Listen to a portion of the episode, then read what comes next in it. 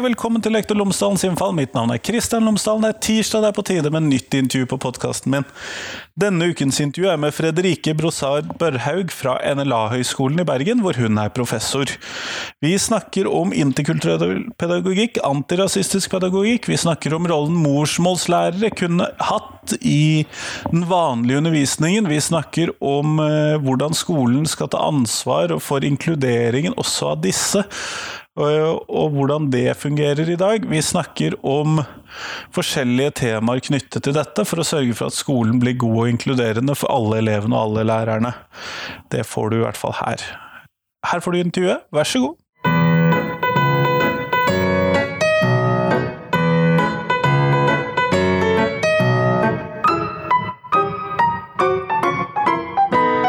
Fredrike Brosar Børehaug, tusen takk for at du har tatt deg tid til meg i dag.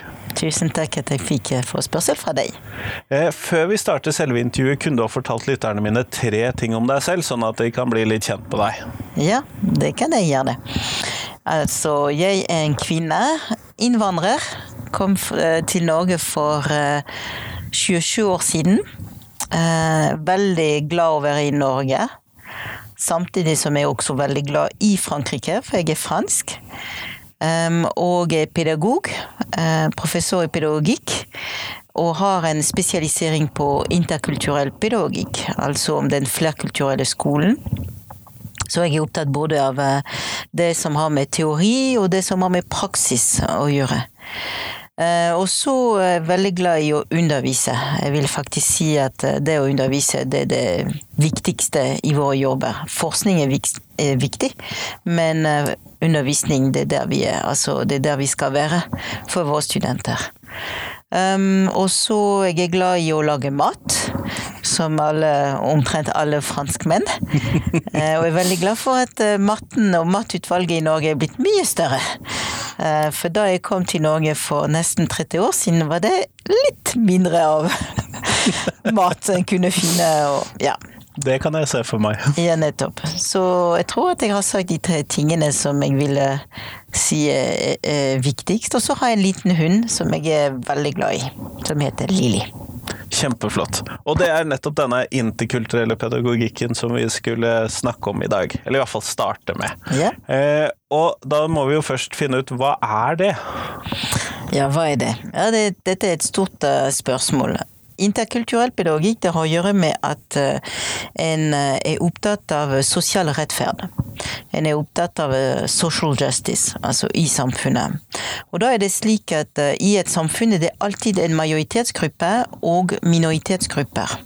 Minoritetsgrupper det kan være mange slags minoritetsgrupper. Det trenger ikke å være bare knyttet til religion eller kultur.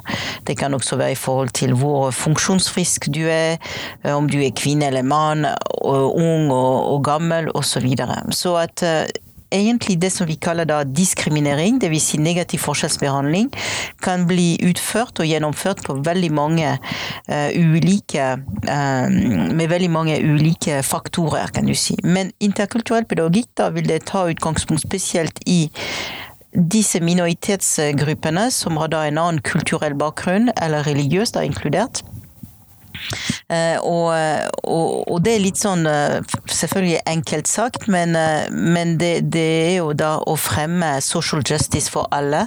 Og spesielt da når det skjer en diskriminering som er basert på det med kulturell bakgrunn og religiøs bakgrunn. Vil jeg si kort og godt. Så et relativt stort og omfavnsrikt felt, da? Absolutt. Og, og som er òg i bevegelse, og som både får næring av teorier og eh, av praksis. Så jeg har spesielt jobbet med antirasistisk pedagogikk. Eh, fordi eh, jeg mener at det er et underbelyst tema fremdeles den dag i dag. F.eks. i opplæringsloven 9a, paragraf 9a, har rasismebegrepet forsvunnet. Dette syns jeg er veldig problematisk.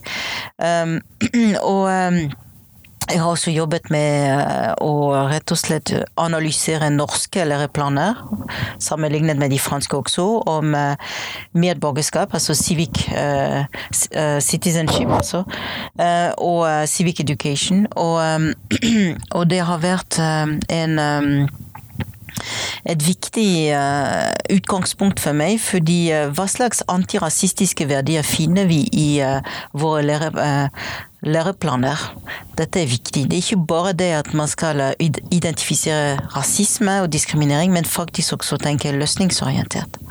Og hva er det som, som gjør at en lærer er opptatt f.eks. av kulturmangfold, eller om læreren er opptatt av universelle verdier, lover, menneskerettigheter osv. Så, videre. så jeg har jobbet mye med dette. Og så jobber jeg også med praksis, og hvordan implementere dette i praksis. Ja, og det er jo det som er særlig spennende, og vi skal komme tilbake til det. Men hva skiller hva skal vi kalle den antirasistiske pedagogikken fra den jeg antar overordnede interkulturelle pedagogikken? Ja, det er også et veldig godt spørsmål. Vel, um, det er selvfølgelig også snakk om hvilke begreper vi bruker. Uh, men uh, interkulturell pedagogikk vil da, ja, som du sier, være sikkert litt bredere. Mens antirasisme vil da ha også Den står i en tradisjon, ikke sant? så du vil også måtte forholde deg til den tradisjonen. Um, men allikevel det er også mange felles punkter. Det vil si det med at uh, igjen man er uh, opptatt av sosial rettferd. Man er opptatt av den kritiske forståelsen av samfunnet for at man fremmer en, uh, en bedre inkludering for alle. Um, og um, man er opptatt av Eh, i antirasistisk pedagogikk av eh, jeg har spesielt jobbet med disse verdier som likhet og likeverd. Um, med kulturelt mangfold. Og, jeg tenker at veldig ofte er vi veldig fine å snakke om ting, men egentlig i praksis er det et gap da, mellom intensjoner og praksis. Og det er det som vi må avsløre. Men samtidig bygge opp, ikke bygge ned. Det viser å være løsningsorientert. Så, og det er mange felles uh, um, trekk mellom interkulturell pedagogikk og, og antirasistisk pedagogikk, men antirasistisk pedagogikk er litt mindre, har et litt mer snevert fokus på noen bestemte tema. Nettopp, skjønner.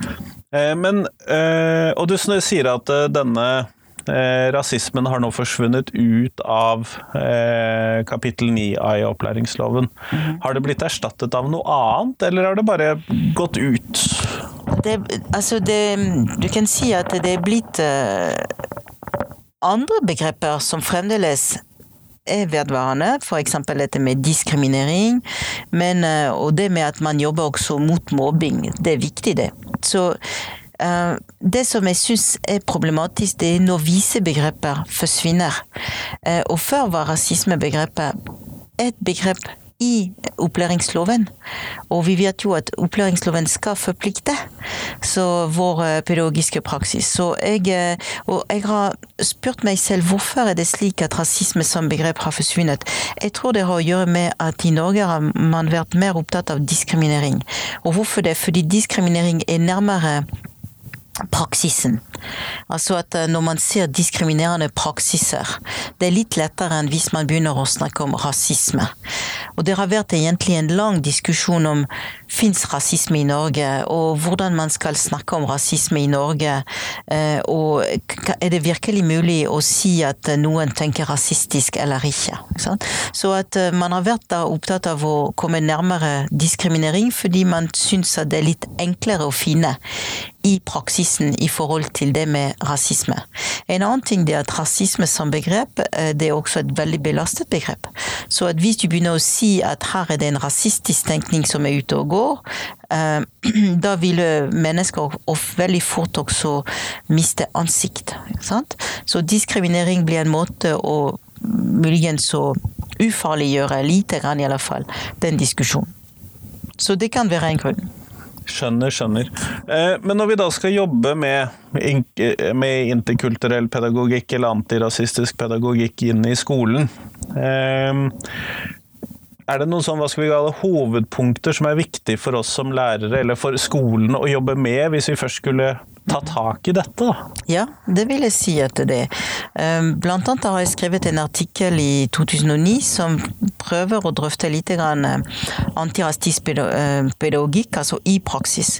Og det som jeg har identifisert, det er det tre hovedmål. Det første målet går på at man er opptatt av å samle folk om et bestemt og et felles verdigrunnlag. Og da blir det menneskerettigheter, blant annet. Og disse ulike deklarasjoner og alle lover vi har og sånn. Så det, det, da er man opptatt av å samle folk omkring noe som er felles. Det er det ene. Det andre det er da å fremme et uh, kulturelt uh, mangfold. Og da er man Det er ganske motstridig fra den første strategien, for da man, åpner man for forskjell. I den første uh, tilnærmingen da var man opptatt av likhet. Alle skulle være like og Ja, på en måte like på den, på den måten at man er enige om et bestemt felles verdigrunnlag. Mens i det andre, da, i den andre strategien, da er man opp, øh, opptatt av forskjell. Og man er opptatt av at det fins øh, ulike mm, kulturer, øh, religioner, og at alle, alle skal også få kunne praktisere uh, sine egne tradisjoner, i alle fall innenfor den demokratiske uh, Altså innenfor det som er demokratisk, da. Um, og i det demokratiske rom. Uh, og så har vi da en tredje målsetning som går med mye mer på likeverd. Og likeverd det betyr det at du har gode muligheter i praksis. og det er en likeverdig opplæring. Sant? Og på mange måter vil jeg si at eh, likeverdig opplæring vil da um, knytte seg til både den likhet, likhetstenkning, og dette med forskjellstenkning. Sant? Så når dette er sagt her, har du veldig mange ulike strategier i skolen for å enten aktualisere den ene eller den andre. Når du tar opp dette med menneskerettigheter, da er du opptatt nettopp av likhetstenkning.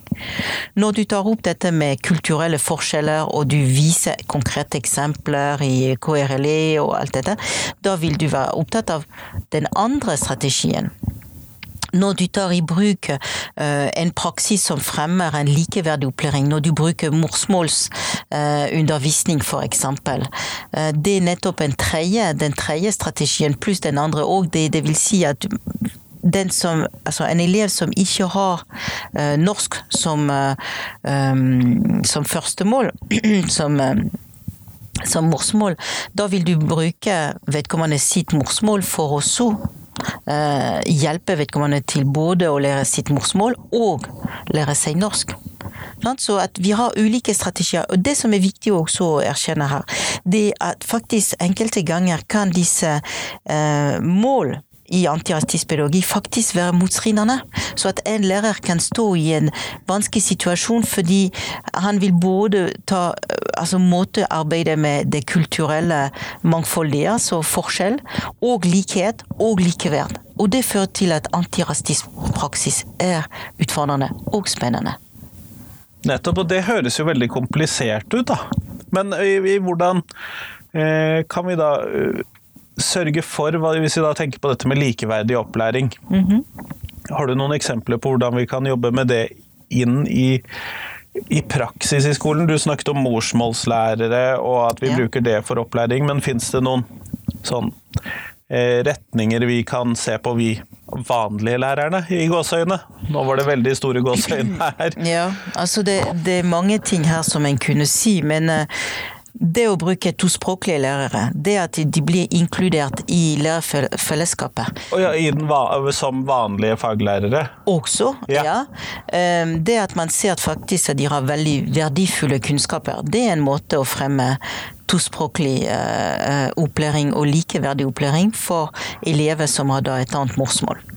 Eh, det er det ene. Når det gjelder dette med inkludering, eh, altså vi har en del prinsipper og verdier. Tilpasset opplæring, inkludering, det er flott det. Men egentlig når vi begynner å spørre lærere om hva de tenker om det ene eller det andre, det er veldig mye sånn at man er litt usikker. Eh, så det å få fram også en, en god diskusjon på hva er inkludering, sånn for eksempel Peder Haug sin modell. Uh, hvordan vil man da bruke hans modell i, uh, i praksis? Det kan være det. Dette med tilpasset opplæring skal vi da snakke om en eh, smal forståelse av tilpasset opplæring som er knyttet til elevens uh, opplæring, den enkelte elevens opplæring, eller skal vi ha en mye bredere forståelse? Det vil si at man har også en forståelse at tilpasset opplæring har å gjøre med at man tar utgangspunkt i fellesskapet, i klassen, ikke bare i selve eleven. Det blir også veldig vanskelig å ta utgangspunkt i 30 elever sin enkelte eh, opplæring. Sant? Så vi må også tenke også klassen og hvordan man kan få fram en, en tilpasset opplæring i klassen. Så det er kontinuerlig, det er en kontinuerlig refleksjon om hva er det som fører til at uh, opplæringen blir likeverdig for ulike elever. Hva er det som fører til at min undervisning blir inkluderende? Uh, og det fins ikke noe enkelte svar på ditt uh, spørsmål, men det, det må i alle fall være en kontinuerlig refleksjon og kritisk refleksjon om hva en gjør. Også her på NLA, også i høyere utdanning. Ikke bare det som skjer i barnehagen, det som skjer på skolen, men faktisk også hos oss. Ja, for man tenker jo ofte på tilpasset opplæring og inkludering som noe som skal gjøres nede i grunnutdanningen, da, bare. Nettopp. Og det syns jeg ikke noe om. Jeg syns at vi må også utsette oss for den kritiske refleksjonen. Og det er derfor her på NLR har vi faktisk begynt å bruke noe som heter VAKE, Values and Knowledge Education. Og hva går denne metoden ut på? Den går ut på at du setter elevene i en um, situasjon der de må jobbe med konkrete dilemmaer. Og så du ber dem til å faktisk stemme over et konkret spørsmål. Og når de jobber med dette spørsmålet her, er de nødt til både å vurdere hvilke kunnskaper har de, og trenger de videre, men også hvilke verdier som fører til at du tar denne beslutningen. Fordi forskningen viser at når man tar en beslutning, det er ikke bare basert på kunnskap, men faktisk også på verdier man har. Eh, og disse verdier, hvis man snakker veldig sånn generelt om menneskerettigheter osv., det er flott at man, selvfølgelig man, man vet en del generell kunnskap om det, men egentlig, når man kommer i situasjoner der våre verdier blir satt under press, da vil man reagere veldig fort emosjonelt, og man vil og, og disse, den generelle forståelsen av verdiene blir egentlig ikke nødvendigvis så veldig fremtredende. Så det som er viktig da, både i vår egen praksis og på skolen, det er da at man forbereder elevene og studenter til også å tenke verdier, og ikke bare basert på kunnskaper, nettopp når man står i en situasjon. Sant? Eh, som da kan bli utfordrende. Og det er sånn det er i vårt liv nå i dag i samfunnet, at eh, samfunnet preges av mange verdikonflikter. Så da er det viktig å, å, å, jobbe med dette. Og for meg en likeverdig opplæring for mine studenter, det har også å gjøre med at jeg både får fram en kunnskapsbasert tenkning, men også en verdibevissthet. Og det gjør vi også her på NLA, og vi uh, har jobbet med interkultur interkulturell verdibevisstgjøring ved siden av det med kunnskap og interkulturell kunnskapsbasert refleksjon. Ja, for det, dette her med praksis og i hvilken grad man får til dette i praksis, er jo egentlig det aller mest interessante når man da skal se på dette. For man kan jo ha gode tanker om hva man skal gjøre, og så får man det kanskje ikke nødvendigvis til, eller kanskje man til og med overoppfyller det man prøver på. Eh, og har du noen eh, tanker om i hvilken grad eh, norsk grunnskole, videregående skole, lykkes med å drive med inkludering og interkulturell pedagogikk, eller drive med denne likebehandlingen eller likheten, da? Ja, altså det er mye forskning som viser at uh, man prøver og det er viktig også å få fram det at det er mange i feltet som faktisk også prøver å få fram en interkulturell praksis og, uh, og refleksjon, og, ja, og er åpne mot eh, det kulturelle mangfoldet og sånn. Problemet det, det, er flere problemer. For det første det at lærere uh, de har en del uh, mer negative forventninger når det gjelder minoritetselever. Og det forskningen viser dette, blant annet et, en rapport skrevet av Eller en forskning fremmet av Nordahl og Nes i 2015. altså Det er faktisk en representativ undersøkelse som viser at lærere gjennomgående har mer negative forventninger angående elever med minoritetsbakgrunn enn i forhold til elever med majoritetsbakgrunn. Så man kan være faktisk åpen eh, for det kulturelle mangfold, men man må virkelig jobbe med hvilke forventninger har man i forhold til disse uh, elever? Og, eh, og, det er klart at elevene de merker veldig når en lærer begynner å tenke uh, på en måte som fører til at uh, vedkommende blir, blir sett litt ned. Jeg kaller dette min forskning for kulturalisering. Eh, sånn for eksempel når du har lærere som begynner å fortelle deg at um, at eh, pga. deres kultur eller religion er de ikke i stand til å gjøre ditt eller datt. Uh, altså Kultur i så måte blir da et begrep som både kan brukes positivt, men også negativt. På 70-tallet snakket vi masse om klasse. Nå er klassebegrepet mye mindre i fokus, og nå er det religion som skal liksom forklare alt. Jeg syns at dette er problematisk, når vi begynner liksom å sette folk i ulike båser, og basert på det vi tror de har som religion eller som kultur, og det er spesielt det med islam. ikke sant? Da vil man begynne da å tenke at uh, mennesker uh, kan gjøre dit eller kan ikke gjøre datt, og, og, og, sånne ting. Det er det ene. Uh, det andre det er at vi har gjort med en annen kollega, Ingrid Heleve, professor ved Universitetet i Bergen, en undersøkelse av tospråklige lærere.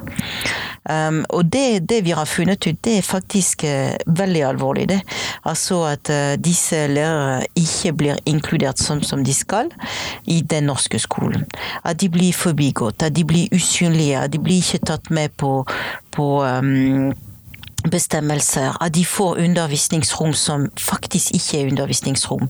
At det kan, det kan være korridorer, det kan være eh, steder uten eh, vinduer. At de får ikke nøkler, at de kan bli låst inne, eller de kan ikke komme inn i bygningen. At det er noen av de som spiser lunsj i bilen, for de orker ikke å spise med de andre lærere, for det er ingen som snakker med dem. Fordi at de er ikke lærere de er bare morsmålslærere, Nettopp. og bare i gåseøynene her, da. Nettopp. Og så er det et annet problem, og det er klart et stort praktisk problem, det er òg at de må eh, gå fra den, eller eh, kjøre fra den ene skolen til den andre skolen, ikke sant. For de har 5 her og 10% her. Ja, ja. Så jeg skjønner òg at det kan bli vanskelig på den enkelte skolen, men problemet er at de får faktisk en hverdag til slutt som er meget vanskelig. En annen ting er at de er faktisk veldig høyt utdannede, og at deres utdanning blir lite uh, sett på uh, og, og, vurdert som noe positivt. At de blir uh, Altså hvis um, de har for få elever, da blir det fort sånn at de kan også havne på SFO som SFO-assistenter. Dette er veldig diskriminerende, fordi man tar ikke utgangspunkt i eh, deres utdanning. Så, så hvis vi vil da drive en, eh, en, praksis som er da inkluderende for personer, og da tenker både elever eh, og lærere som har minoritetsbakgrunn, da må vi revurdere en del av våre praksiser og våre holdninger og hvordan vi tenker om andre. Og det er derfor interkulturell pedagogikk vil uh, altså vi har arbeidet, eh, en kollega, eh, Helga Bjørke Harnes og meg, eh, med flere publikasjoner med dette begrepet majoritetsprivilegium. Fordi når du er i en majoritetsposisjon, da ser du du er ikke i stand nødvendigvis til å se på dine eh, privilegier. Altså det å være hvit. Hvor ofte tenker vi at vi er hvite, og at faktisk dette gir oss et privilegium?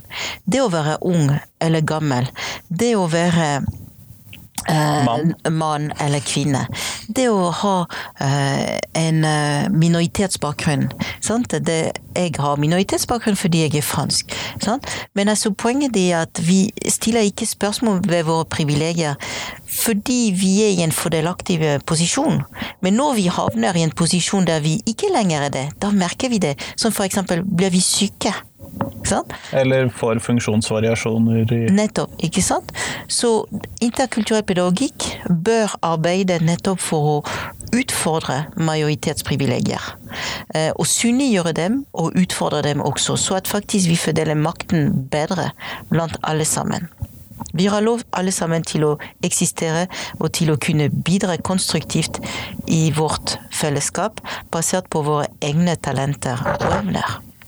Det høres ut som det ligger et relativt stort ansvar på si, skoleledelse og politikere da, i forhold til å gjøre disse endringene, mer enn kanskje på den individuelle lærer. Altså vårt ansvar, eller ansvaret ligger overalt.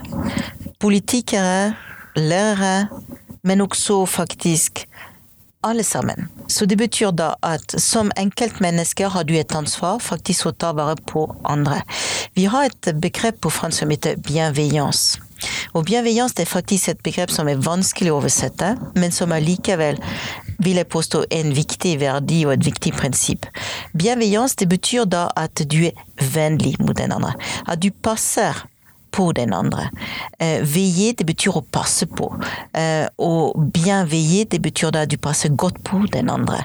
Eh, når du sier farvel, farvel, altså det har å gjøre med at du, har, du håper på at Ha det bra der du skal. Nettopp, ikke sant? Så det er litt den samme tenkningen der. Og jeg, eh, jeg tenker at faktisk sånne prinsipper forplikter oss alle sammen. Um, dette med også solidaritet. Solidaritet for meg er et utrolig viktig prinsipp og en utrolig viktig verdi, fordi det er, sånn som jeg forstår det, kjærlighet i praksis. Når man er solidarisk, da viser man kjærlighet i praksis. Altså kjærlighet på den måten at man nettopp er vennlig, at man passer på, at man viser godhet. Og det er klart at alle sammen, vi er forpliktet til dette. Og det er klart når vi ser politikere og hva slags debatt de fører, hva slags diskurs de bruker. Da kan man stille spørsmål ved det. For det de er opptatt av her, det er ikke nødvendigvis godhet, men det er først og fremst av å samle folk som skal stemme for dem. Og når vi ser også på uh, populisme i dag, og hvordan en populistisk tenkning er i ferd med å ta over hele verden, da kan vi bli også skremt av dette, og det er vårt ansvar som lærer, som forelder, som den du er, uansett hva du gjør, at du skal liksom gå imot og stride mot en populistisk tenkning som er opptatt av å sette folk i båser, sette, få oss til å tenke veldig enkelt, ikke komplisert, og få oss til å uh, ikke handle etisk. Så, og En annen ting som jeg har lyst til å poengtere her også, det er at populisme, for det har kommet veldig i det siste for meg, det er at populister de er veldig lite opptatt av miljø. At faktisk Trump, Bolsonaro, Putin og alle de andre de er ikke så opptatt av miljø, det. Det gir jo ikke penger i kassen. Nei, ikke sant. Altså Poenget er her at uh, når vi tenker faktisk interkulturell pedagogikk, og da kommer jeg tilbake til det du sa i begynnelsen, at interkulturell pedagogikk er opptatt av kultur og religion, sånne spørsmål, ikke sant. Sånne litt sånn grove spørsmål. Men i det siste har jeg tenkt vi må være også opptatt av miljø, fordi biologisk mangfold henger sammen med kulturelt mangfold. Mister vi nynorsken, mister vi faktisk også vår forståelse av vestlandsk natur. Eller i alle fall en del av det. Altså, og Hvis vi mister den forståelsen, da mister vi også vår evne til å ta vare på natur. Så språk og natur, og, og kultur og natur, henger sammen. Og da er det vårt ansvar, også som pedagog, og jeg som interkulturell pedagog, å faktisk fremme en kritisk refleksjon som også utvider disse spørsmål, så at faktisk natur blir tatt med.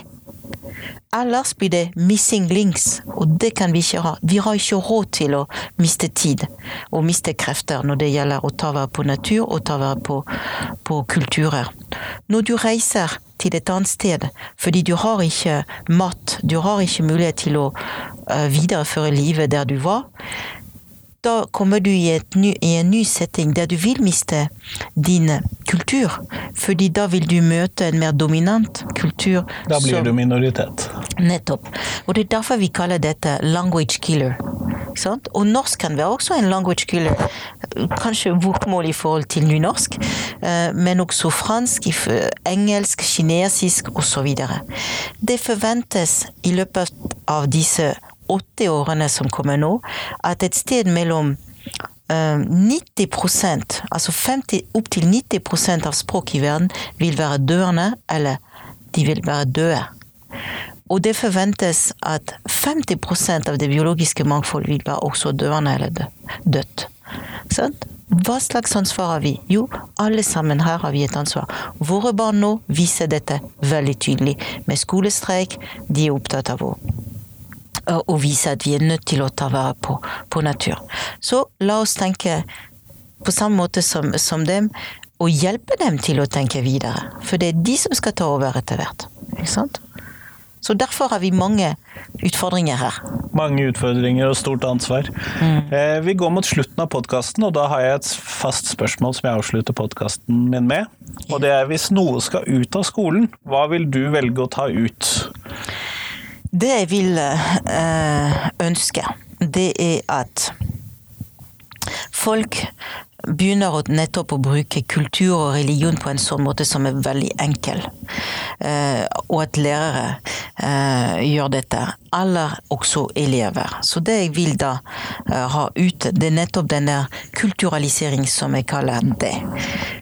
og en annen ting også som jeg vil ha ut, det er at den er enkel forståelse av teknologi. At teknologi skal løse alt. Det skal ikke gjøre det. at roboter skal løse alt. Så at vi er, vi er mennesker, og vi trenger Eh, å ha eh, mellommenneskelige relasjoner der folk faktisk er i stand til å snakke verdier, i stand til å snakke med hverandre.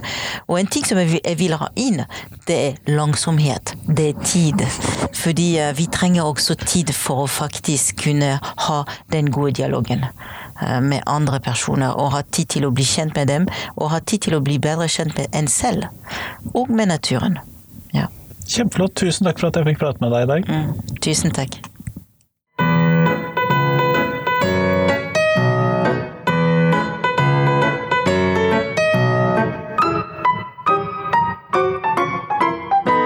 Tusen takk til Fredrikke, og tusen takk til deg som hørte på.